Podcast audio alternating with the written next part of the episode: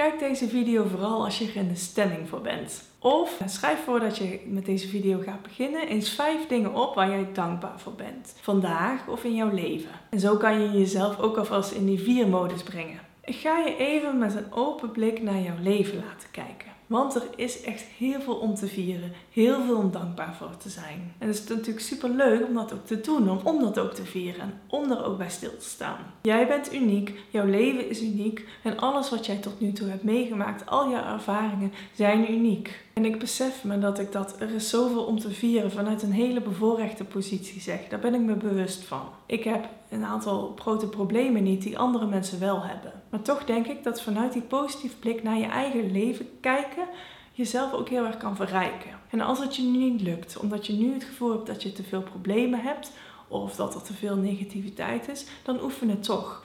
En daar kan je op een later moment, op een ander moment weer op terugvallen. En dan heb je er ook op een ander moment weer profijt van. Onze hersenen misleiden ons soms ook. Het is zo makkelijk en zo natuurlijk ook om te focussen op wat je niet hebt, op wat er nog beter moet, op wat er zou kunnen zijn, op wat er niet meer is, op wat er pijn doet. Maar de waarheid is, we hebben allemaal onze moeilijkheden, maar we hebben ook allemaal dingen waar we plezier uit halen, ook al zijn het hele kleine dingen. En hoe mooi is het om dat wat extra aandacht te geven, ook al is het maar in een klein moment.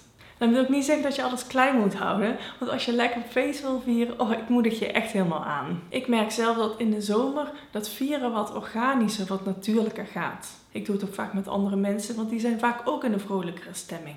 En in de winter moet ik dat misschien wat bewuster opzoeken, moet ik dat zelf wat vaker opzoeken. En zoals ik al eerder gezegd heb, vieren hoeft niet alleen maar feestvieren te zijn of alleen maar uitbundig te zijn. Het kan ook zijn dat jij de tijd wil nemen om iets te eren of om iets te herdenken. Dus nou is mijn vraag aan jou: wat wil jij deze winter vieren of eren? Dit is geen opdracht. Pak gewoon even pen en papier en schrijf op wat het eerste in jou opkomt.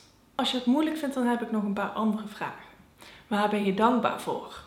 Waar wil je graag meer mee bezig zijn? Wat wil je laten groeien? Een vonkje wat je al in je hebt, wat zou kunnen groeien als je er meer aandacht aan geeft? Welk plezier geeft jouw leven jou?